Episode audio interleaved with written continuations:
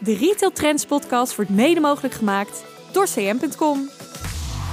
Met het engagement platform van cm.com vergroot je jouw omzet en creëer je blije en loyale klanten. Ben je benieuwd hoe jij jouw customer experience een boost geeft? Kijk voor alle mogelijkheden op cm.com. Welkom bij de Retail Trends podcast, de podcast waarin ik met opvallende retailers spreek over de retaillessen uit hun carrière. In deze podcast ga ik in gesprek met Ronald van Zetten, CEO van Westland Kaas, maar vooral binnen onze sector bekend als voormalig CEO van HEMA. Ik ben Marcel ten Holte, oprichter en eigenaar van Retail Trends Media.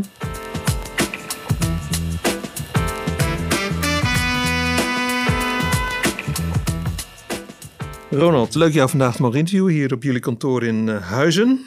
Ja. Tussen de kazen. Ja, het centrum van de kaas. Het centrum ja. van de kazen. Ja, we kennen elkaar natuurlijk uh, uit het verleden. We hebben een aantal keren geïnterviewd uh, in jouw HEMA-tijd, in jouw V&D-tijd. Maar dan gaan we zo met VND.nl-tijd bedoel ik. Maar goed, dat gaan we zo meteen bespreken. Uh, laten we starten bij het begin. Um, ja. Ja, je bent jong begonnen met werken. Heb je ooit al een keer verteld in een Retail Trends interview? Ja. Geen, uh, geen ambities om hard te studeren, maar meer hard te werken. Nou ja, de eerste ambitie was eigenlijk om geld te gaan verdienen. Ja. Dat was eigenlijk uh, mijn grootste drijfveer op dat moment. Ik had ja. ook nog niet echt een plan voor de toekomst. Nee. Dus ik dacht, uh, nou, dit is gewoon heel leuk. Um, ja, ik ben dus vrij snel gestart, maar ik had al ook al heel snel iets geleerd. Ja. En, en, het, en, dan moeten we even terug naar de tijd van, van toen. En dan praten we over rond 1980. Ja. En uh, ja, en dat was uh, toch een klein beetje crisis in, uh, in supermarktland. De, de, vooravond van de geboorte van C1000, hè, Centrawet C1000 en, ja. en Vivo en Tip en VG en al die andere dingen. Die werden uiteindelijk super. Dus een beetje in die tijd, een beetje crisistijd. Voor in ieder geval voor de zelfstandig retail. Ja. Opkomst van de ketenbedrijven. Dus uh, dat was het En wat deed je toen daar? Nou, in eerste instantie echt vakken vullen. Ja. Gewoon uh, vakken vullen, lege flessen innemen, uh, goed ontvangst en dat. Ja. vrij snel werd ik ge, gepromoveerd, als je het zo mag zeggen, naar de AGF-afdeling. Aardappelen, groenten en fruit. En dat vond ik wel echt heel tof. Ja. daar kon je echt met spullen en producten en klanten werken. Dus, dus dat vond ik wel heel erg leuk. Waar was dat? Dat was toen de tijd bij Centra in eerste instantie. En in tweede instantie bij een zelfstandige ondernemer, uh, Wim Bron. En die had in Soest, Soesterberg, Zeist en Amsterdam had hij uh, winkels. En uh, ja, en uiteindelijk was ik rond mijn negentiende was ik voor het eerst verantwoordelijk voor een hele winkel. Wauw. Nou, en dat was wel pittig. Dus ja. dan ga je alles fout doen wat je fout kan doen op managementgebied. heb ik, heel veel jaren later heb ik daar nog steeds wel profijt van gehad omdat ik gewoon zeker in het begin alles fout heb gedaan. Maar die ondernemer die, uh, die heeft me er toch doorheen gesleept. Mm. En ook ervoor uh, gezorgd dat ik ook weer ging, uh, ging leren. Naast het feit dat ik als, ook al snel had gezien dat oudere werknemers... die werden in die tijd zeker op basis van kosten gewoon het bedrijf uitgeduwd. En ja, dat ik dacht, ja, dat moet mij niet gebeuren. Dus ik moet me wel gaan ontwikkelen, want anders ja. dan wordt het niks. Toen ben je je nieuws gaan doen? Ja. ja. Alright. En dan in, in 83 uh, stap je uit, uh, uit de supermarkt ga je naar uh, Quaker, Quaker Oats. Ja, maar dat was wel een, nou, dat was wel een grote stap. Ja, in eerste dat lijkt me ook wel. Ja, dat was... Kijk, wat toen gebeurde bij Quaker Oats... In eerste instantie was het een baanvertegenwoordiger. En ik maakte redelijk snel een stapje om uiteindelijk um, ja, een soort accountmanager van een gebied te worden. Dan gaf je leiding aan vertegenwoordigers... En dat hele vertegenwoordigersvak moest een beetje omgebouwd worden naar accountmanagement en op basis van schappenplannen onderhandelen met uh, de supermarktorganisaties. Die je goed kent. Die ik heel goed ken. En, uh, ja, en het was toen ook natuurlijk dat uh, voor het eerst ook die formule-eisen veel stringenter werden gehanteerd. Dus het was best wel belangrijk dat je op het hoofdkantoor je schappositie ja, veilig stelde. Want in de winkel ging dat niet meer. En vroeger was dat natuurlijk precies andersom. Dan ging je gewoon de winkel in en maakte je gewoon ruimte voor je spullen. Dan schoof je de boel aan de kant. En schoof je de boel aan de kant en dan was je binnen. Uh, maar die tijd was voorbij. Okay. Dat is echt in die uh, tijd echt voorbij gegaan. Ja. ja. Maar als je daar naar die kweekoudstijd terugkijkt, dat heb je een jaar of drie, vier gedaan. Ja, ik vond het, uh, ik vond het fantastisch. Uh, ik, ik, ik, was echt onder de indruk van, ik was natuurlijk ook nog niet zo heel veel gewend. Maar wat ik vooral geleerd heb daar is Um, voortdurende drive, uh, focus op sales en marketing. Uh, echt Amerikaans, ja. gewoon uh, elke maand gewoon een goede sales meeting. Mensen motiveren, targets stellen en bam er tegenaan en, en door. En ja, de, ja, ik voelde me daar als een vis in het water. Ik had er echt veel plezier. Ik werd ook geïnspireerd. Dat is toch ook denk ik heel belangrijk. Dat als je zo'n meeting hebt gehad, dat je echt naar huis gaat. En dat je eigenlijk niet kan wachten tot het maandag is geworden. Dat je denkt, huppakee, knallen deze maand. Mm -hmm. Nou, incentive en bonussen die, uh, die waren ook altijd heel erg uh, goed als je goed je best deed. Dus uh, ja, ik vond het wel, ik vond het echt een, echt een ervaring. Mooie ja. tijd. En dan, ja. dan ga je in 86 de overstap maken weer terug naar het supermarktvak. Ja, Unigro. In, ja, Unigro, ja. Nou, in eerste instantie heel lang getwijfeld. Want Unigro stond toen niet zo heel goed bekend. Uh, ik ben toen nog bij een aantal uh, ondernemers langs geweest om te vragen, maar hoe is het nou echt bij jullie? Want mm. in die vakbladen toen de tijd, ja, Erik Alberda, die, die had niet het allerbeste imago. En, dat was de grote man, hè? Dat was de grote man, de eigenaar-directeur. En nou ja, die, die, die, zeiden toch, daar, dat valt voor mij, het is echt best wel een heel tof bedrijf. En dat was het uiteindelijk ook. dus ik ben eerst gestart als bedrijfsadviseur, Veenendaal. Het uitrekenen van condities voor de aangesloten ondernemers. Nou, daar, onder wel, welke formules vielen er toen onder? Uh, dat was vooral super. Dus Club okay. 199, Service Super en Cirkel. En later is daar weer bijgekomen uh, Spar VDB Den Bosch uh, en Vezo. En, nou, het, ze zaten eigenlijk net in die overstap dat ze eigenlijk van Vivo afscheid hadden genomen. En eigenlijk allemaal super waren geworden. Want die ondernemers wilden dat ook natuurlijk.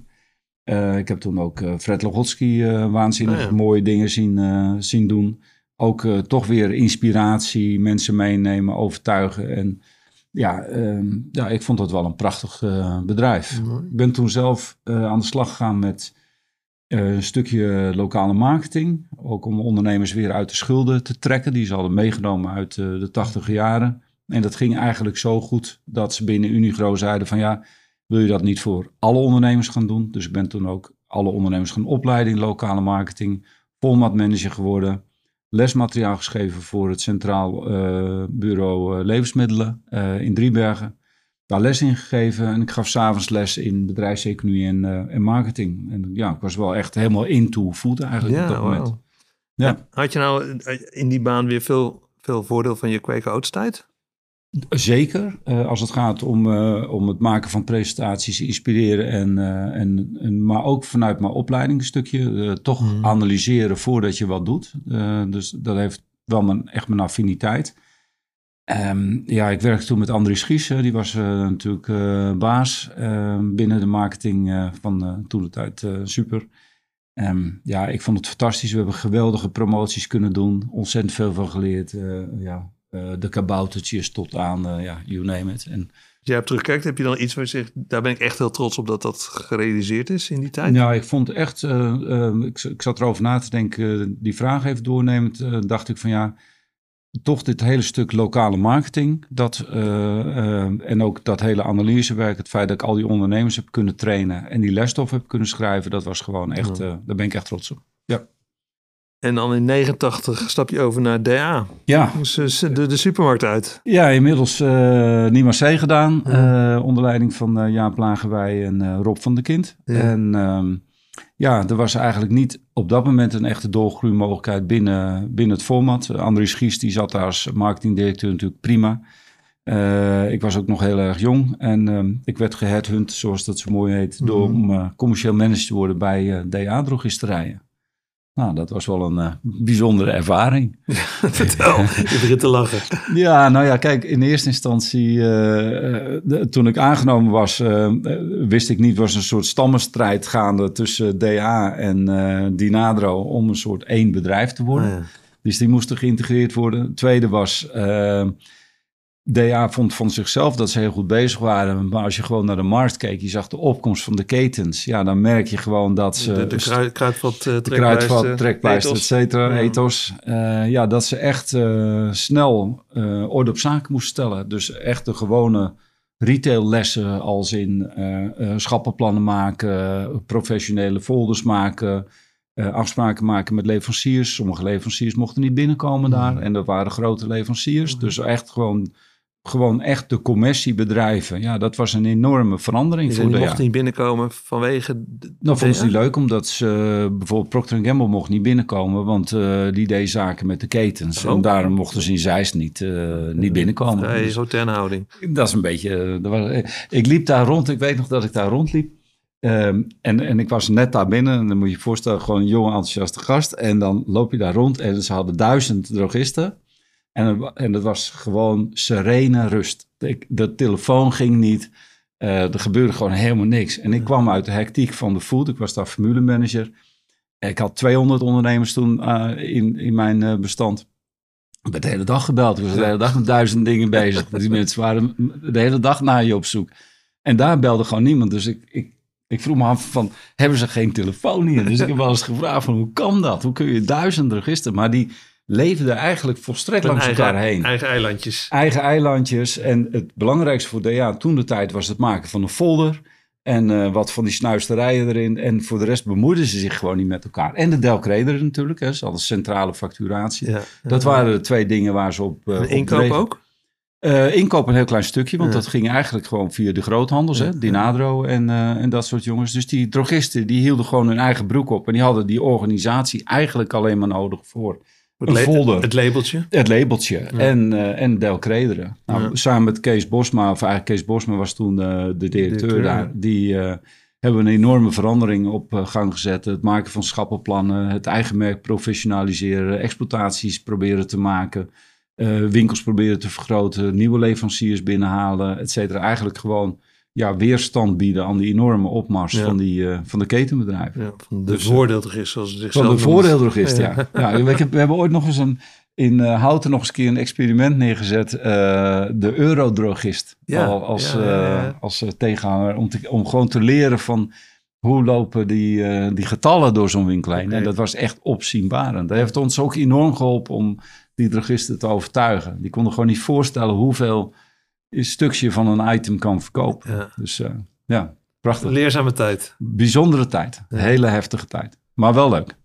En dan na vier jaar DA ja, ga je de eerste keer naar HEMA toe. Ja, Jaap, die, uh, die toen de tijd directeur was bij uh, ja, Unigro. Ja. Die was inmiddels verhuisd in eerste instantie naar de Bijenkorf. Maar in tweede instantie was hij binnen het concern gevraagd om de HEMA te gaan, uh, gaan leiden als uh, verkoopdirecteur. Die is toen een nieuw team gaan samenstellen en uh, hij heeft mij gevraagd, ja, kom je weer voor me werken? En ik zeg, ja, ik weet niks van warenhuizen, maar dat is geen probleem, dat leren we weer snel. Ja. maar er is hier genoeg te doen. Dus, dus toen ben ik die overstap in eerste instantie gemaakt. En wat ging je daar doen? Eerst moest ik een groep verlieslatende winkels gezond maken. Nou, dat is eigenlijk vrij snel gegaan. Eh, de winkelgroep A was dat. Uh, dat eh, franchisebedrijven waren het eigen bedrijven? Nee, eigen bedrijven. En dus ze hadden een format ontwikkeld. En ja, dat was eigenlijk een kleine format, maar die kon met heel veel grote concepten. Helemaal vroeger echt een bedrijf van gemiddelde. Konden ze eigenlijk niet over, overweg. En daardoor maakten die winkels verlies. En dat heb ik vrij snel kunnen herstellen. Uh, ik deed toen ook voor de raad van bestuur. Uh, als er een uh, acquisitie te doen was, dan mocht ik met een klein team op zoek naar wat vinden klanten daarvan? Is het een goed idee? Dus ik heb in Europa heel veel ketens mogen beoordelen en mhm. bekijken. En, uh, en dat precies binnen, binnen de bijkoopgroep, binnen bij KBB? Bij, bij KBB, ja, precies. Ja, ja. Ja. KBB was toen nog eigenaar van, uh, toen was nog van niet die fusie uh, daar, later met, met Vendex. Um, toen België, we hebben uiteindelijk ook een acquisitie kunnen doen. We hebben toen van al die rondreizen hebben we uiteindelijk Sarma gekocht in België. Dat is een kledingmodezaak die eigenlijk een hele goede locaties had. En dat was eigenlijk onze grote stap België in. En dat was voor HEMA een hele grote stap. Werd dat dan een, een HEMA-format? Ja, ja, ja dat, we hadden al vier winkels ooit in België, maar die waren niet succesvol. Dus ik was al gebombardeerd tot directeur België om die winkels beter te maken. En toen hebben we die acquisitie gedaan. Mhm. En dat was voor HEMA was dat een enorme, enorme stap. Want toen moest, uh, plotseling gingen we ook het Franstalig deel in. Uh, dus de verpakkingen moesten meertalig worden. Uh, alle automatisering uh, moest tweetalig worden. Dus eigenlijk, we hebben dat hele bedrijf opnieuw neer moeten zetten in een, maar een maandje of acht ongeveer. Wauw. En dat ging wel in een tijd dat HEMA eigenlijk verlies maakte. dus die schreef rode cijfers. Dus er was enorm veel stress en spanning in het, in het bedrijf. En daartussendoor moest ik dan met mijn team proberen uh, ja, een nieuw bedrijf te bouwen. Wat was daar de oorzaak van, dat ze verlies draaiden in die uh, tijd? En we praten nu over midden jaren negentig eigenlijk. Ja, in die periode een compleet mislukt uh, automatiseringsproject. Okay. maar dat was ook echt totaal mislukt. dus mensen wisten niet meer wat in welke container zat die in lage weide stond. Daar stonden de containers vijf, zes hoog opgestapeld. Uh, ze hadden geen margeoverzichten meer. De winkels konden niet bevoorraad worden. Het was gewoon één grote chaos. Dat is niet handig. Dat, is, eh, dat heb ik ervan geleerd. Doe dat nooit meer. En dat was echt verschrikkelijk. En ze hebben twee jaar nodig gehad uh, om dat weer recht te breien. Wauw. Ja. Je bent daar een jaar of vier en dan Ga je naar een ander... Uh... Ja, zo gaat het in het concern. Ja, precies. Ja, dan, word je gewoon, dan word je gewoon doorgeschoven. Ja, praxis ook onderdeel toen, hè? Ja, Van, uh, zeker. zeker. Dus, uh, dus het idee was eigenlijk in eerste instantie dat ik inkoopdirecteur zou worden binnen HEMA. Ja. Op dat moment speelde op de achtergrond die hele fusie tussen Phoenix en KBB. en werden, moest de hele holding ontmanteld worden. Dus alle mensen die op de holding zaten, mensen die ze wilden behouden, die werden eigenlijk in de werkmaatschappijen geplaatst. Ja. HEMA die uh, moest toen uh, ja, echt uh, ook flinke stappen maken.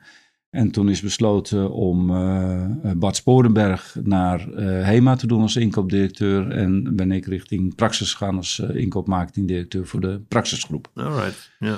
Ja, ja, dat is natuurlijk een hele tak van sport weer. Dat is compleet anders. Dat is al, anders dan alles. Eh, als ik in mijn hele carrière kijk, dat is echt een, eh, een marketingdoelgroep die soms heel actief is, maar ook vele jaren niet. Je moet regelmatig hetzelfde product in de folder zetten. Want stel je voor dat jij met je badkamer begint, uh, dan wil je toch een aanbieding voor een badkamer zien. Mhm. Maar dat, ik weet niet wanneer jij begint, dus, ja, dus dat, is, dat is heel lastig. Dus je hebt vaak dezelfde spullen in de folder. Um, maar we hebben ook heel veel goede dingen kunnen doen. We hebben de eerste grote Praxis of uh, XL gemaakt in uh, Zuidoost. We hebben eigen merken gemaakt. We hebben de marge weten verbeteren. We hebben Mark gekocht. We hebben enorm geëxpandeerd. Die markt groeide toen enorm. Je werkt weer samen met Jaap wij dan? Ja, in eerste instantie samen met, uh, met Jaap en later met Ad Walter. Ja, ja, zeker. Ja. Ben je zelf een klusser trouwens of niet? Ja, toch wel. Nou, kom daardoor tegen Willem Dank, tegen Willem Dank. Ik, heb, ik, ik moet zeggen, ik vind mezelf een handige klusser, maar dat vindt elke klusser, okay. uh, denk ik. Maar uh, ja, ik vind het ook echt leuk. Ja, dus uh, ja. Maar het is een andere wereld. Ja. ja. Nou, dan komen we in jaar 2000 en dan ja. ga je naar... Naar Albert Heijn. Is Albert Heijn, ja. Ja, nou ja, kijk, hoe, hoe kwam ik daar? Albert Heijn had tussentijds al een aantal keren gevraagd of ik bij hun wilde komen werken op bepaalde functies. Ik heb dat eigenlijk altijd afgehouden totdat er een. Uh, ik, uh, ik was op uitnodiging uh, door een, uh, ja, een goede vriend van mij, Jan van der Voort. Die had geregeld dat ik met Jan Andrea ging, ging mm. praten op vrijdagmiddag. Om, ja, voor de functie van supermarktdirecteur. En ehm, ja, zo gezegd, zo gedaan. En ik ben eigenlijk op die vrijdagmiddag zijn wij er samen gelijk uitgekomen. Dus toen was ik plotsklaps vice-president operations bij, uh, bij Albert Heijn. Ja, executive vice president. Executive vice president. Heel belangrijk, dat laatste. Ja, ja, zeker. Nee, die titels, die, eh, die, ja, die titels die hebben ze wel daar. Ja. Dat, uh, dat klopt wel. En hoe is het dan? Voor je, je, je hebt uh, Super Boer natuurlijk gedaan, of eigenlijk Unigro, en dan, dan zit je bij Albert Heijn. was het heel anders? Ja, dat is toch wel anders. Kijk, um, ik had zelf in mijn carrière ook wel gedacht van ja, ik wil ooit wel ook bij Albert Heijn werken, maar ik moet ook zorgen dat ik de goede opleiding heb. Dus het was voor mij ook altijd wel een motivatie om uh, bijvoorbeeld mijn bedrijfskunde te halen. Want anders kom je gewoon niet bij uh, die topbedrijven uh, binnen. Ik vond zelf, zonder arrogant te zijn, dat ik heel veel waarde kon toevoegen aan Albert Heijn. Ik vond de operatie niet goed. Ik vond heel veel dingen niet goed van die winkels die ik bekeken had voordat ik het gesprek inging. En ik had wel het idee van ik ga dat veranderen, ik ga dat beter maken ga gewoon zorgen dat we de beste worden. En ja, we hebben, ik denk alles. Ik denk als je mensen vraagt in die periode van denk eens terug aan project Blauw. Uh, dan worden mensen denk ik toch wel blij, want we hebben daar echt alles aangeraakt wat het leven binnen de supermarkt uh, raakt. Dus van klanttevredenheid tot medewerkerstevredenheid, budgetteren, kwaliteit omhoog, et cetera. We hebben echt enorme veranderingen doorgemaakt. En dit was onder leiding van Dick Boer? Ja, Dick, uh, Dick die bemoeide zich niet zoveel met de operations. Dus ik had echt uh, met mijn team uh, echt de handen vrij. Ik kreeg was wel alle... Dirk, CEO van Albert Heijn, hè? Dick was, ja, ja, Dick was CEO. En, en, en Dick zat veel meer bezig met commercie samen met Tom Heitman. En ik kon eigenlijk met mijn team echt focussen op operations. En ik kreeg van Dirk, van Dick ook gewoon ja, alle support en ondersteuning om dat mm -hmm. te mhm. doen. En ja, ik, uh, ik, ik was als een vis in het water daar. Mooi. Ja, ja, ik kijk daar echt met heel veel plezier op terug. Als jij dan, dan ja, die samenwerking met Dick Boer kijkt en die andere, uh, welke retailles heb je daar geleerd die je.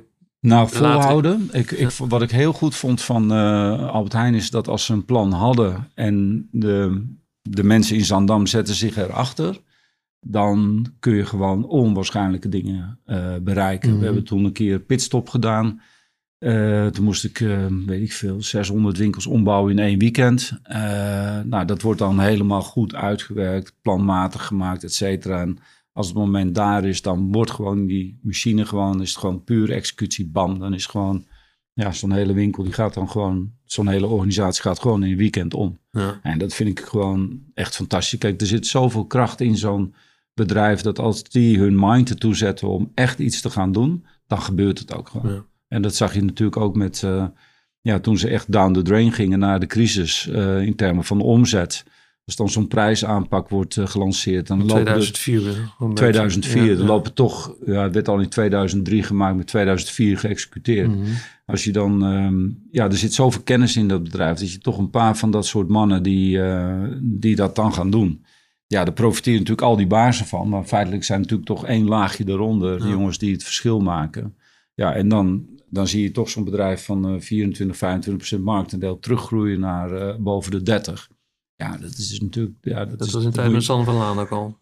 Sander van der Laan, uh, Dick, uh, Dick natuurlijk. Ja. ja, toen ging die machine echt, echt eventjes hard aan. Dus mm -hmm. nou, wel, nou, daar kun je alleen maar respect voor hebben. Ja. Ja. Dan in 2003, dan uh, ga je voor de tweede keer naar uh, jouw ja. HEMA. Ja, ik, ik werd gevraagd door uh, Dirk Gomina.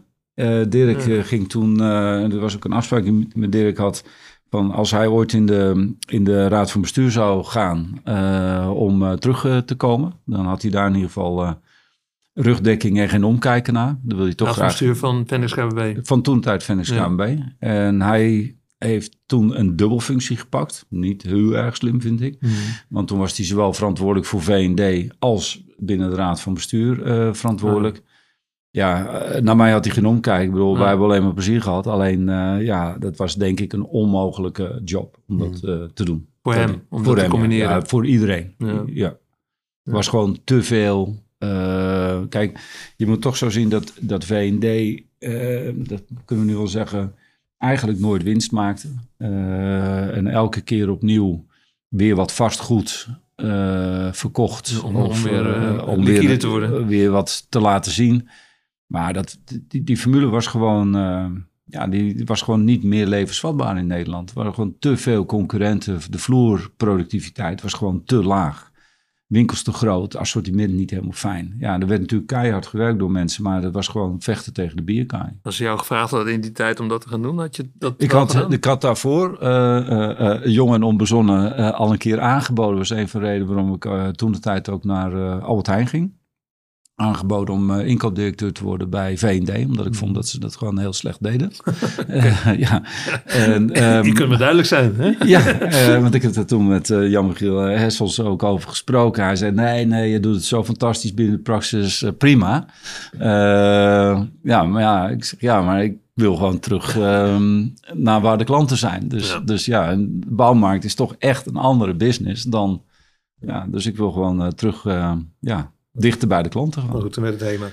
Toen werd het uiteindelijk HEMA, ja. Of in eerste instantie Albert Heijn, in tweede instantie uh, HEMA. Dus, in 2003 start je daar. Ja. Ik herinner mezelf nog, in 2004 ben ik met Retail Trends gestart. En ik weet nog, een van de eerste bijeenkomsten waar ik bij was, was uh, jouw presentatie in Amersfoort. Ja. De opening of de, de, de lancering van de nieuwe HEMA, nieuwe, nieuwe format. Ja. Ja, dat was echt een... Uh, ja, is jouw eerste grote, grote daad binnen HEMA volgens mij. Nou, hij, hij, hij, was, ik mocht, ik mocht de opening doen. Hij was niet voor mij. Okay, uh, hij okay. was nog van, uh, van Dirk en het uh, team.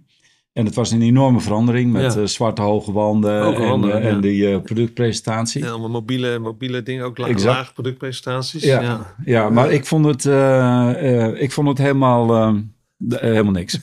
Oké, nou dat liet je toen niet merken hier hoor. Nee, dat was ook raar geweest als ik het wel had laten merken. Maar je moet toch een kans geven. Eh, maar eh, nee, dat was, je hebt ook niet heel veel eh, daarna nog die winkels eh, gezien. Alright. oké. Dus het is nooit een uitrol, eh, tot een uitrol nee, gekomen. ik vond hem eigenlijk, als ik heel eerlijk ben, ik vond, het, ik vond hem ehm, eh, te luxe. Ik vond er te weinig prijssignaal in. Nee. Ik vond het wel heel tof, die hoge wanden met die productpresentatie. Ja, ja, ja. Dat vond ik wel heel mooi. Eh, maar ik vond het te ver van de basis af. Dus ik, ik, ik, ik vond gewoon de kern, het had de kern niet geraakt. En Nee. eh, het was meer een cosmetische verandering Ja, dat dan, een, eh, ja. dan een eh, echte Dus verandering. het is bij Amersfoort gebleven toen. Absoluut. ja, Alright. sorry. Nee, nee. En, en eh, Tony Nuncio is dan eh, CEO van Maxeda. Oh, Ja. dus dat was ook jouw baas toen op dat moment? Ja, eh, nou toen nog, eh, ja, toen eh, min of meer. Ja, Ja. ja. Ja, toen was hij net binnen, ja. ja. Ja. klopt, ja. Net na die fusie. Heeft dat invloed gehad op, op, op ja, jouw positie binnen HEMA of jouw kunnen functioneren binnen HEMA? Nou, wel, kijk, kijk de, de grootste verandering was toen we werden... Kijk, Venus KBB was natuurlijk altijd een bedrijf met heel veel directeuren. En eh, als je in de groepsraad zat, alle CEO's zaten in een soort groepsraad, dan werd altijd eh, het geld en het budget verdeeld onder iedereen die aan tafel zat. Mhm. En ehm, wat de grote verandering was toen eh, ehm, we overgenomen waren en van de beurs afgehaald waren en KKR eh, aan boord was. En uiteindelijk Tony de Nuncio had aangesteld. Kreeg je als CEO, als je goede plannen had, kreeg je gewoon geld. En kon je gewoon je eigen beleid voeren. Ja. En dat was gewoon een hele grote verandering. En daarom konden wij toen als HEMA heel snel gaan groeien. Eh, omdat er plotseling kregen we wel gewoon de aandacht, tijd en het geld. Eh, en ja, en ik kon met Tony in eerste instantie, eh, kan ik wel een paar mooie verhalen over vertellen, maar dat doen we wel een keer op een ander moment. He- helemaal niet opschieten, maar later wel. En Dus, dus kijk, Tony was gewoon heel straight, heel zakelijk, heel... maar hij had wel ehm, zijn retail hard op een goede plek zitten. Dus hij vond klanten, medewerkers, vond hij echt wel belangrijk. Had een goed commercieel inzicht. Eh, ja, dus ik kon het echt prima met hem vinden Mhm. uiteindelijk. Ja. Ehm, nou goed, dus, dus die, uit, wat, wat, die uitrol van 2004 die kwam er niet. Nee. Eh, wat was dan voor jou de grote, Doorbraak? Ja, wat jij hebt gedaan bij HEMA? Wat, wat, Nou, kijk, in eerste instantie toen ik terugkwam, eh, toen draaiden we ongeveer 53 miljoen eh EBITDA. En toen kocht KKR ons en toen kregen we een budget mee van 85 miljoen EBITDA in, weet ik veel, drie of vier jaar of zoiets. Toen, eh, eh, René Repco was toen eh, mijn maatje binnen, Ja. binnen marketing. En toen hadden wij tegen elkaar gezegd op een gek moment, weet je wat we gaan doen? We gaan ze gewoon helemaal gek maken. We gaan 100 miljoen doen. Dus we gaan het gewoon veel beter doen. Dus dat hebben we gedaan. Dus toen binnen no time, binnen 2,5 jaar, werden we plotseling eh, verkocht. eh, aan eh, toen de tijd Lion. En toen deden we 100 miljoen. Toen hadden we een plan liggen. En toen zeiden we van nou, we gaan een plan maken naar 152 miljoen, 150 miljoen. Die 150 miljoen hebben we ook gehaald. 152 miljoen om precies te zijn. Toen, normaal gesproken werkt het dan zo binnen private equity... dat je dus dan wederom een verkoopproces hebt, verkocht wordt en Mhm. door. En wij hadden een plan, als het gelukt was met Ahold... om bij wijze van spreken bij Ahold terecht te komen... hadden we een plan om veel verder nog door te kunnen groeien. Daar hadden we hele goede ideeën voor. Ik durf wel te zeggen dat... eh, ja, dat het natuurlijk doodzonde is dat uiteindelijk dat verkoopproces niet is doorgegaan. Ja, We En- praten nu over welk jaar? 2010. 2010, ja. 2010. Eh, dus toen zaten we op eh 152 miljoen. Dus Lion Capital wilden jullie niet verkopen eigenlijk? Of, of nou ja, die vonden dat ze te weinig, eh, te weinig Ja. ervoor kregen. Ja. Dat, en ze hebben gewoon dat proces niet goed aangepakt. Dat, dat, dat durf ik wel te zeggen. En dat, vond ik, dat heb ik ook tegen ze gezegd. Dat heb ik ook tegen de commissarissen gezegd. Ik vind dat ze dat gewoon niet goed gedaan hebben. Doelbewust misschien? Of? Dommigheid. Oké. Ja. Eh, dus, dus toen waren we geen vrienden meer. Dus, Nee. dus eh, ja. ja. Nee, toen werd de gang naar het hoofdkantoor Londen wat lastiger. Elke, want hoe vaak moest je daar naartoe eigenlijk? Nou, ik ging er bij voorkeur niet naartoe. Oh. Eh, dus soms moest ik wel heen. En ik moest er wel eens af en toe bellen. Maar ik, ik, ik stelde dat altijd uit. Dus er was niet een vast moment om hun te bellen. Ik stelde het zoveel mogelijk uit. Want Maar was dat ook de tijd dan dat... Hè, we hebben ook veel, veel over geschreven over die, die, die rentelast die jullie uh, om je nek ja, hadden. dat was enorm. Ja. Kijk, uh, kijk, het is natuurlijk heel vervelend. Je moet zo voorstellen dat je een bedrijf runt wat ik, ik, kom dus uit die tijd, dat deden we 53 miljoen EBITDA. Dat was best een respectabel getal. Ja. Dat was een operationele marge van rond de 4%. Dan weten we met het hele team en alle mensen bij elkaar, weten we dat uiteindelijk naar 14% uh, te brengen. 14% operationele marge. Dat, dat is, echt supergoed. Ja. Dus dan speel je in de top 10 uh, beste retailers in de wereld. Ja.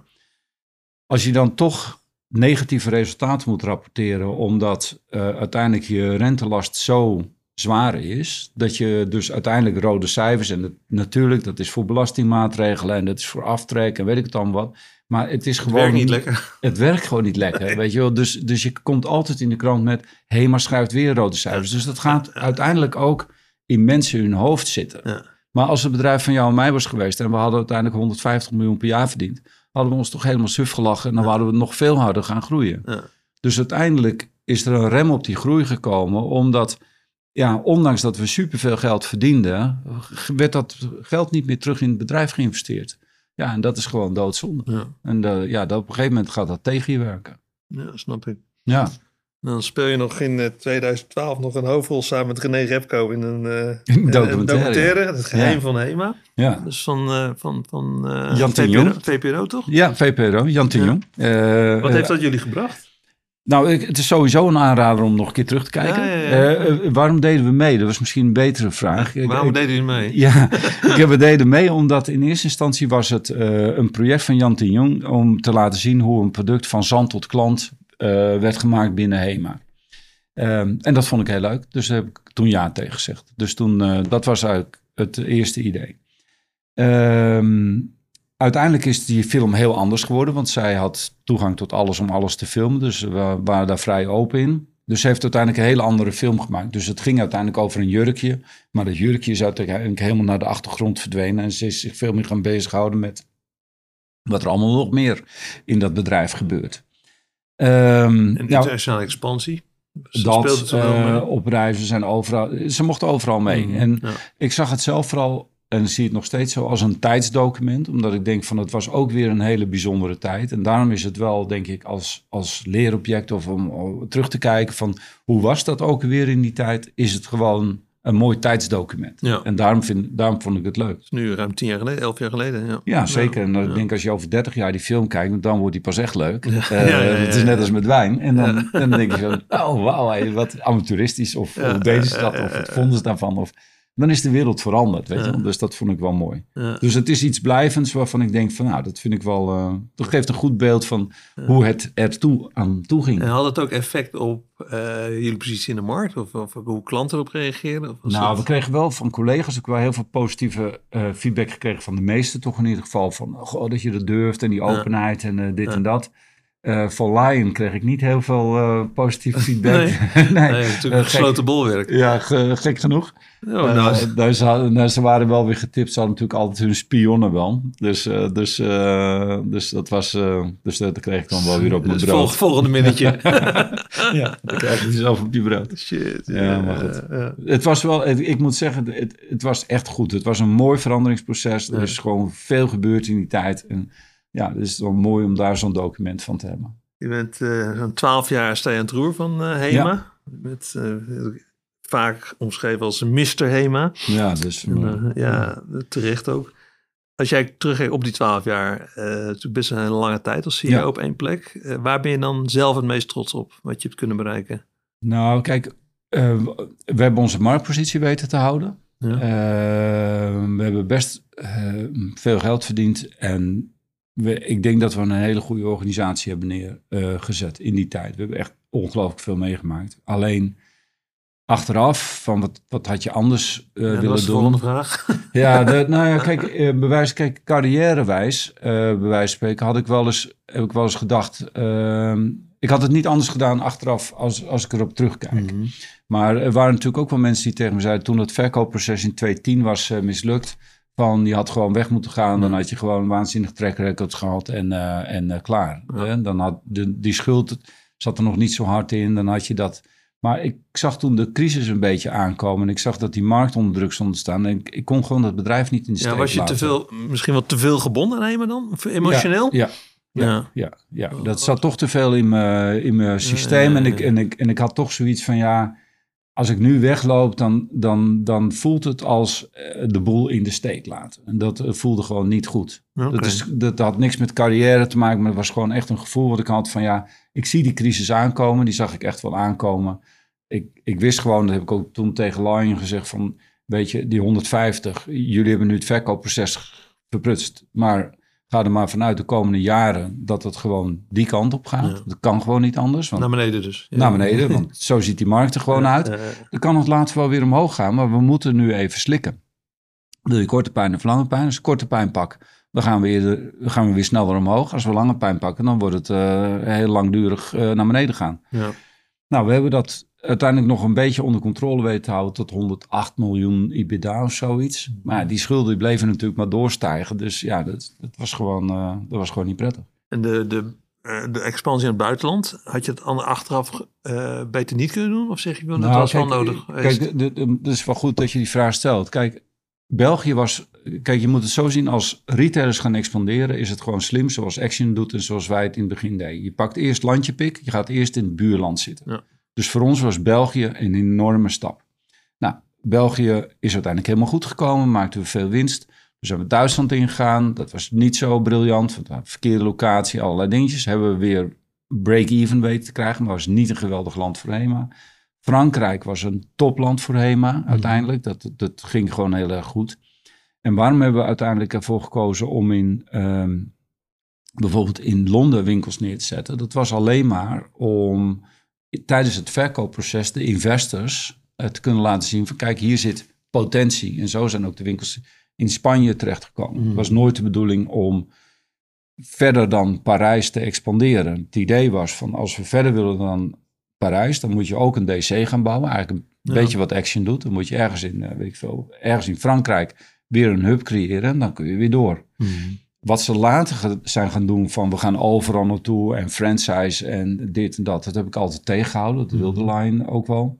Ik, ik geloofde daar gewoon niet in. En dat, eh, ja, het is, HEMA is een veel te complex bedrijf om...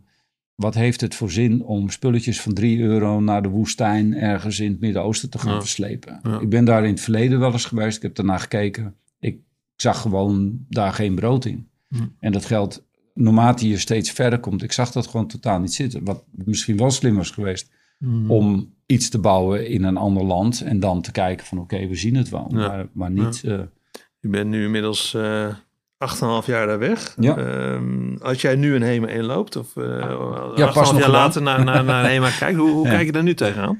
Nou, ik vind, ik vind wat Saskia doet, vind ik echt een enorme eh, klus. Dus ik vind dat ze heel goed eh, eh, bezig zijn om weer zich terug te vechten naar waar ze waren. Ik denk dat eh, eh, door de druk van het geld, dat ze gewoon vijf jaar lang stilgestaan hebben en achteruit gelopen zijn. En ik denk dat nu Saskia daar aan het roer zit met het team.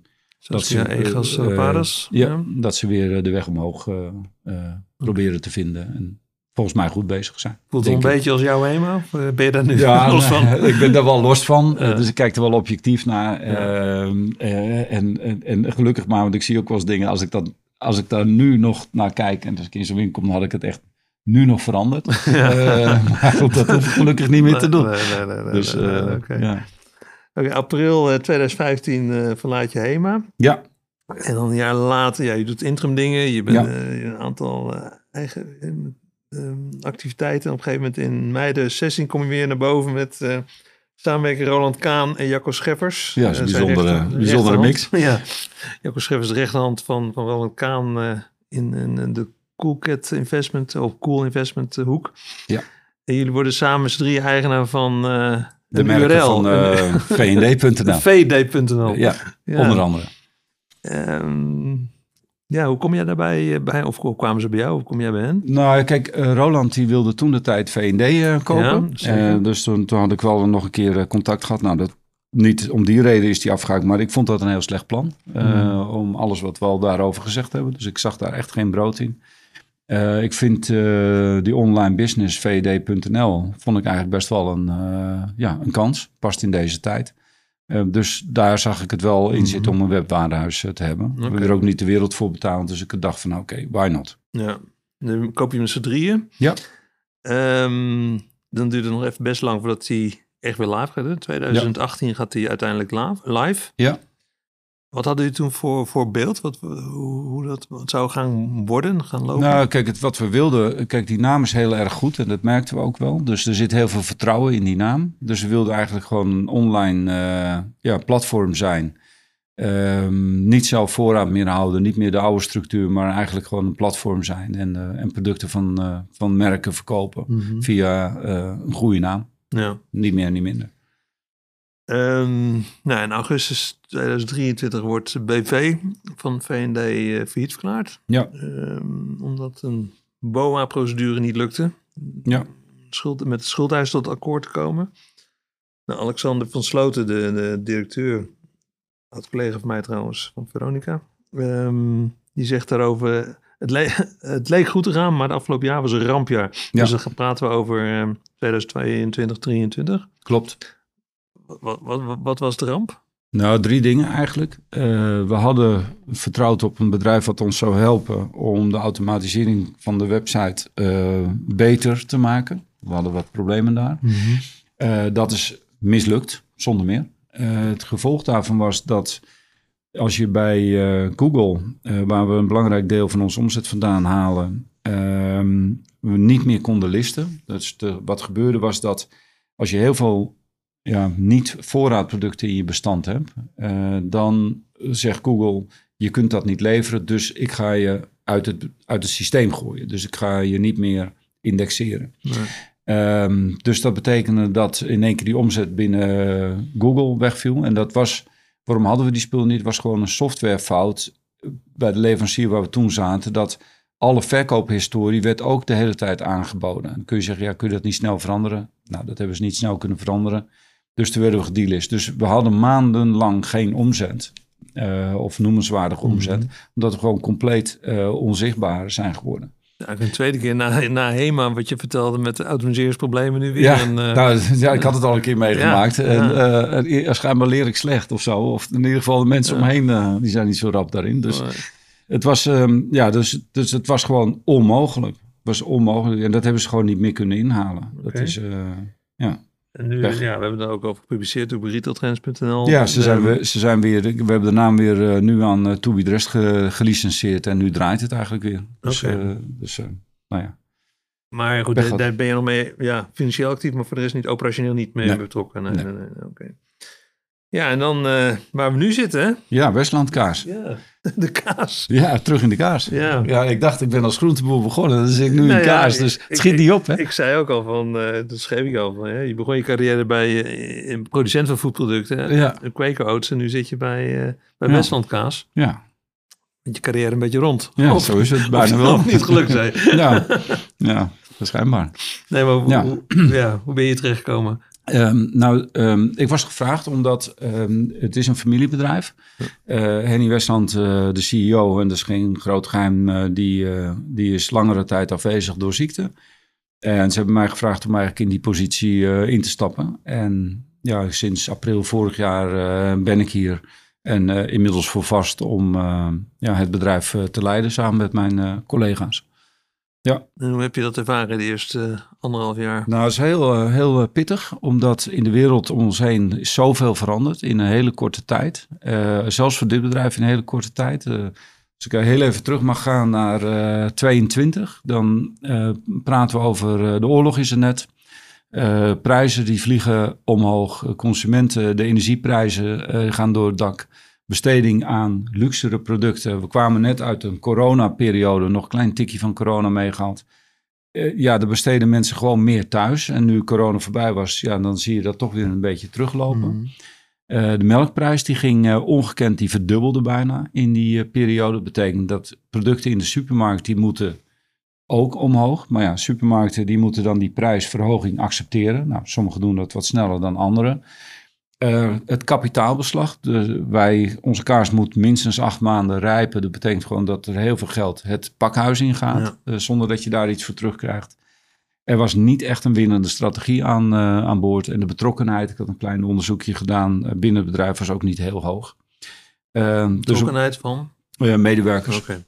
Dus we hebben uiteindelijk op al die onderdelen dingen gedaan. en ik durf nu te zeggen, we zijn nu in 23, dat we nu bezig zijn met de uitvoering van de strategie die we toen met elkaar gemaakt hebben. Want jullie draaien, ja, jullie hebben vier merken, of uh, vijf, vijf merken. Vijf merken, ja. Ehm, de twee bekendste zijn uh, in mijn ogen in ieder geval Old, Old Amsterdam en uh, Maaslander. Je had de volgorde precies goed. Okay, dus. Old Amsterdam, Maaslander, Trenta, Welt Westland en dan Kees, Kaas. Kees Kaas, ja. ja. Hoe, hoe, dat creëren van die diversiteit en merkbeleving bij consumenten, hoe, werkt dat in, nou ja, in de kaaswereld? Uh, nou ja, kijk, uh, die merken hebben een eigen smaakprofiel en een eigen klantenprofiel. En dat maakt wel een heel groot onderscheid. Dus, dus Maaslander zit echt in volvette kaas, 50 plus, een van de enige. En Old Amsterdam heeft echt een, ja, een uh, overmartine-achtig, een, een, een, een, een hele speciaal eigen uh, smaakkarakter. En het blijft toch smeuig, dus uiteindelijk. En dat is natuurlijk een beetje de kracht. Het brokkelt niet. Je kunt nog mhm. steeds op een boterham doen. En dat is gewoon een hele onderscheidende, lekkere kaas die... Ook onderscheidend is een, uh, met een signatuur met, met die zwarte, ja. zwarte band. Nou, dat, dat hebben ze natuurlijk ooit heel slim gedaan door een merk te bouwen ja. uh, binnen, binnen kaas. Want er zijn maar weinig levers. Bijvoorbeeld binnen vleeswaren heb je helemaal geen merken zoals je die binnen kaas wel hebt. En binnen oude kaas, durf ik te zeggen, zijn we echt zeker marktleider. Um, maar dat komt ook vooral omdat het hele lekkere kaas is. Vroeger in onze jeugd had je nog Unicaas. Die is er nog steeds. die, steeds, die, zie, die, zie, ik nog wel eens af en toe uh, langskomen. maar, maar, die zit niet in. Uh, die zit wat meer aan de jongere kant dan aan de oudere kant. Okay, okay. Uh, Trenta is heel groot in uh, Italië. Dus cholesterolverlagende kaas. Oh. Wild Westland is eigenlijk niet van ons, maar dat is een samenwerking. Ehm, ja, en dat is echt helemaal gebaseerd op, op vegetarisch. Mm. En keeskaas hebben we met name ook voor de receptuur uh, gekocht om te kijken van nou, naar de toekomst toe, uh, kunnen we daar iets mee. En jullie zijn dus, wat je vertelde in ons voorgesprek, um, ja, jullie handelen erin eigenlijk. Ja. Jullie maken het zelf niet. We maken het zelf niet, laten we er anderen doen. Ja. We, rijpen het op andere locaties, anderen versnijden het voor ons, verpakken het. Okay. En we verkopen het vooral. Dus wij zijn vooral goed in verkoop en marketing. Ja, ja, ja, ja. ja. En, ja, en, en dan heb je ook nog een, eh, een aantal winkels. Drie winkels. Drie winkels in ieder geval Amsterdam en een één op Schiphol. Ja, dus in totaal vier. Hoe belangrijk zijn die winkels voor jullie?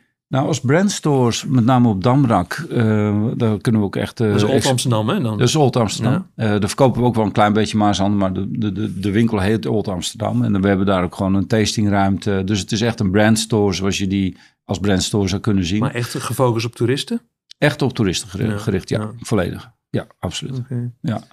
En, en, uh, en, in Amsterdam lopen natuurlijk heel veel toeristen, maar ook heel veel toeristen uit een voor ons hele belangrijke markt, bijvoorbeeld uit Duitsland. Mm dus zo'n beetje de helft van de klanten daar, uh, die komen ook uit Duitsland. Dus dat is dan wel weer heel prima. En, ja, oké. En, maar blijft het bij Amsterdam of heb je, en, en Schiphol? Of heb je idee om een aantal winkels nou, kijk, zo'n toeristenwinkel op plekken waar toeristen komen, mhm. doet zo'n winkel het gewoon wel heel erg goed. Het is, mhm. het is echt een heel interessant retailconcept, zeg ik als, als, retail, eh, als retailer.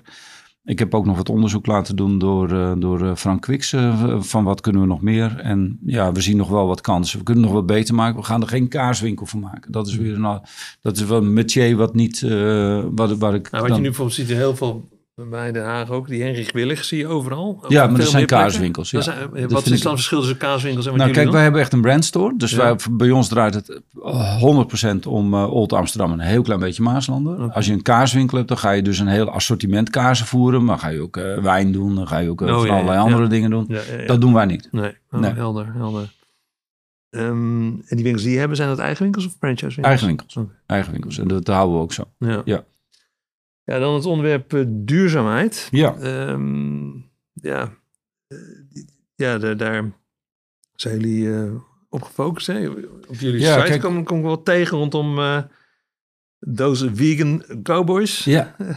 Vertel. Nou ja, kijk, duurzaamheid binnen kaas ehm, is belangrijk. Dus we hebben een ambitie gedefinieerd naar 2036. Ja. We hebben ook daar nu specifiek iemand voor aangenomen. Om klimaatneutrale uh, kaas te produceren. Dat is uiteindelijk de droom, ja. ja dus dat we dat uh, uiteindelijk uh, helemaal kunnen, kunnen maken. Die bestaat nog niet. je kan natuurlijk wel op een klimaatneutrale wijze kaas produceren, bij wijze van spreken in je fabriek.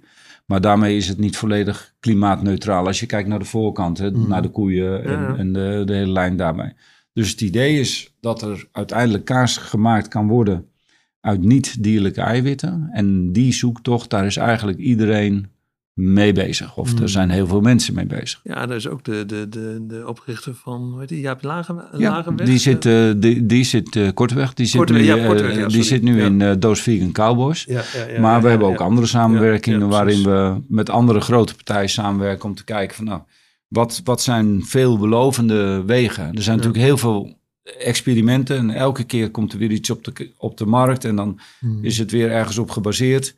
Maar bij ons is het heel erg belangrijk, het moet ook lekker smaken. Ja. En dat is Ja. voor Westland, Westland kazen, is dat voor ons het allerbelangrijkste. Het Ja. moet gewoon goed smaken. Je moet geen verschil proeven.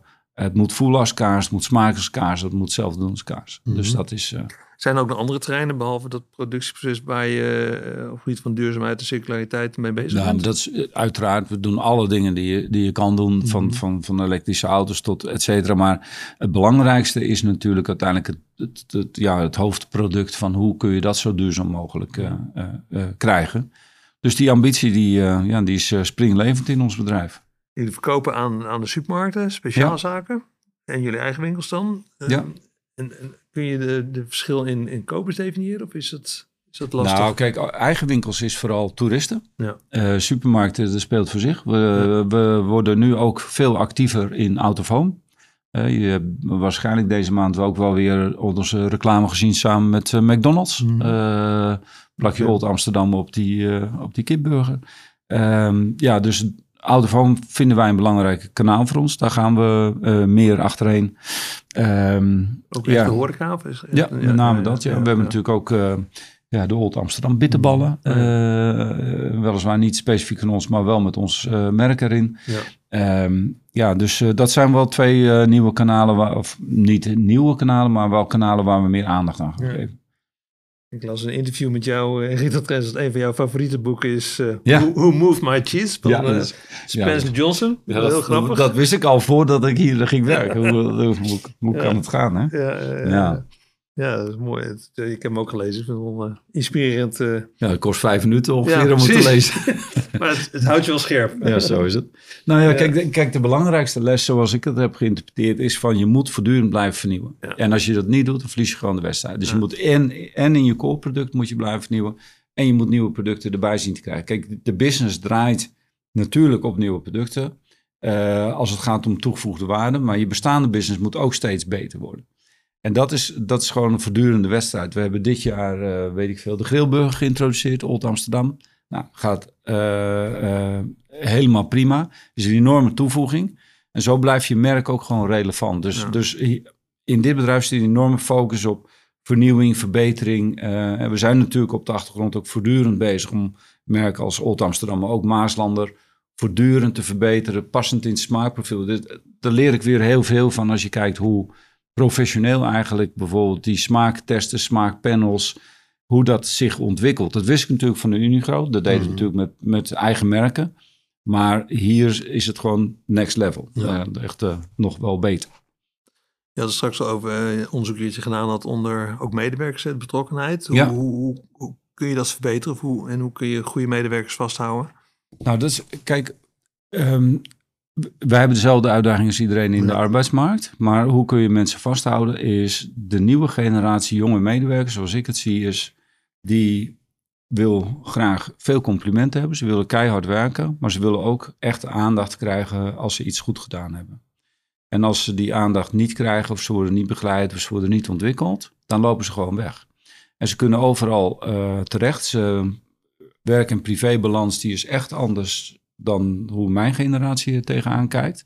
En dat moet je gewoon respecteren. Dus aan de andere kant, ze willen ook heel graag commitment geven. Ze willen ook graag bij een groep horen. Ze willen ook heel graag samen dingen oppakken. En dat moet je faciliteren. Dus als je een, ja, een goede sfeer weet te creëren in het bedrijf... en dan, ik denk dat we daar dit jaar echt een stap in hebben gemaakt...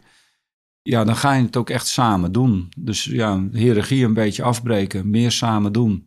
aandacht en energie erin steken en, en, en openstaan als het nog niet goed genoeg gaat, Mhm. dat je ook de kritiek serieus neemt en probeert het weer beter te doen. Dus je kan niet van de kelder op de zolder springen. Dus het Nee. is wel eh, En je ziet Ja. een positieve beweging nu? absoluut, Ja. absoluut. Nou, Even nog het onderwerp e-commerce. Eh, hoe belangrijk speelt het in jullie business? Niet. Niet helemaal niet. Eh, helemaal niet. Ik heb wel nu vanaf 4 december komt er een e-commerce manager in ons bedrijf. Eh, en dan gaan we eigenlijk eh, ja, helemaal starten met eh, die business op te bouwen. Om te kijken van wat, wat zie je dan nu wat je bij spreken Nou, een paar jaar st- geleden niet zag?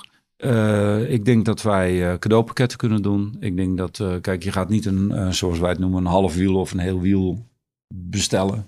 Dat heeft niet zo heel veel Zo'n zin. kaas heet een wiel. Zo- dus Zo'n- Zo'n kaas, zo'n- zo'n hele ronde. zo'n Ja, dat- dat is een wiel. Ja. dus, maar die ga je niet zomaar kopen. Eh, maar meer in de sfeer van, eh, van cadeautjes of geschenken of andere dingen. De spullen die we ook in de, in de winkel in Amsterdam Mhm. verkopen bijvoorbeeld. Die kunnen we heel goed online ook doen. Ja. Eh, als je iemand een cadeautje wil geven. Nou, dat is een van de mogelijkheden. Ehm, maar ook samen met de retailers die allemaal ook een goede site hebben. Proberen of dat we daar ook veel beter onze producten in kunnen pluggen. Ja. Dus ook veel meer samenwerken met retailers op het gebied van e-commerce. Eh, proberen in recepten te komen bij een stukje out of home of misschien samenwerking. Dus ja, e-commerce alleen spulletjes verkopen van A naar B, dat, daar weet ik niet of dat, dat echt onze business is. Maar de business als geheel groter maken, daar geloof ik wel in. Ja, ja. Als je nu naar de toekomst van Westland Kaas kijkt, eh, waar ga je de komende periode met name op focussen? Ehm, naast de bestaande retailers, natuurlijk op eh, andere kanalen. Out of home, e-commerce, andere landen. We exporteren naar 60 landen. Ehm, we hebben business, eh, mensen feet on the ground in Duitsland, België, Spanje en Italië. En eh, er zijn nog een aantal landen waar we denken, gezien de afzet die we daar nu al hebben, om daar stappen te maken. Kijk, kaars, Nederlandse kaars, is gewoon een heel goed exportproduct. Dus eh, daar eh, zien we echt nog eh, kansen, groeikansen. Mooi, mooi, mooi. Als jij nu terugkijkt op jouw lange retailcarrière, Ja. ehm, wat zijn dan voor jou de belangrijkste kantelpunten geweest die dat beïnvloed hebben?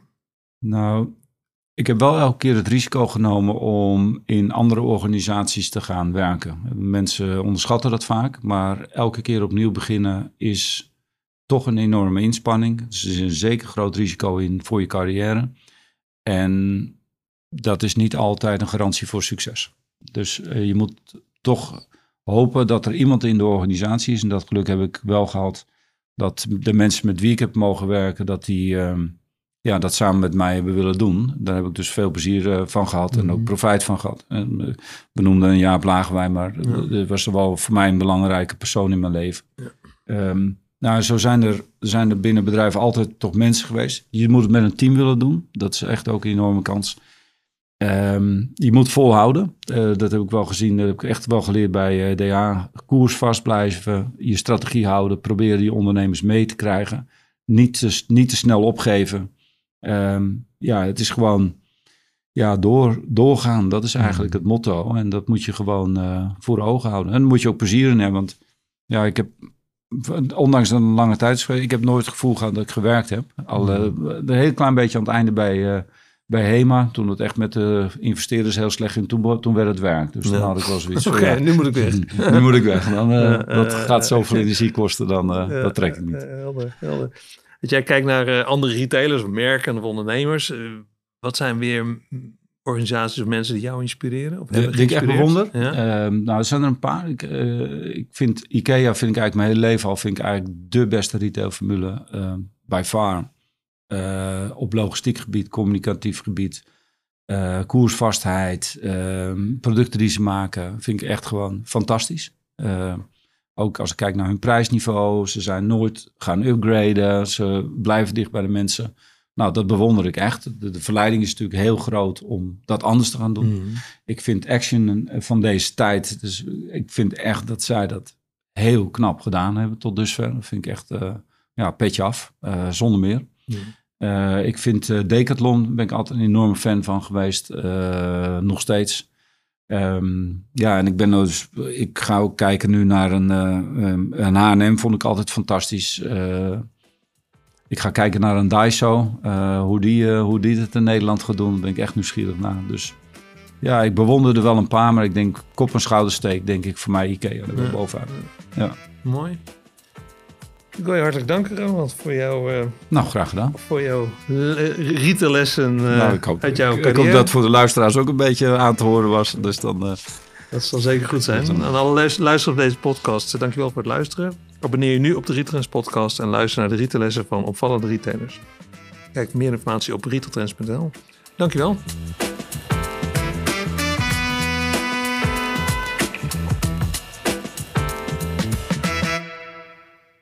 De Retail Trends podcast wordt mede mogelijk gemaakt door cm.com.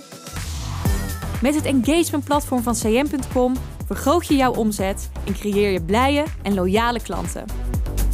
Ben je benieuwd hoe jij jouw customer experience een boost geeft? Kijk voor alle mogelijkheden op cm.com.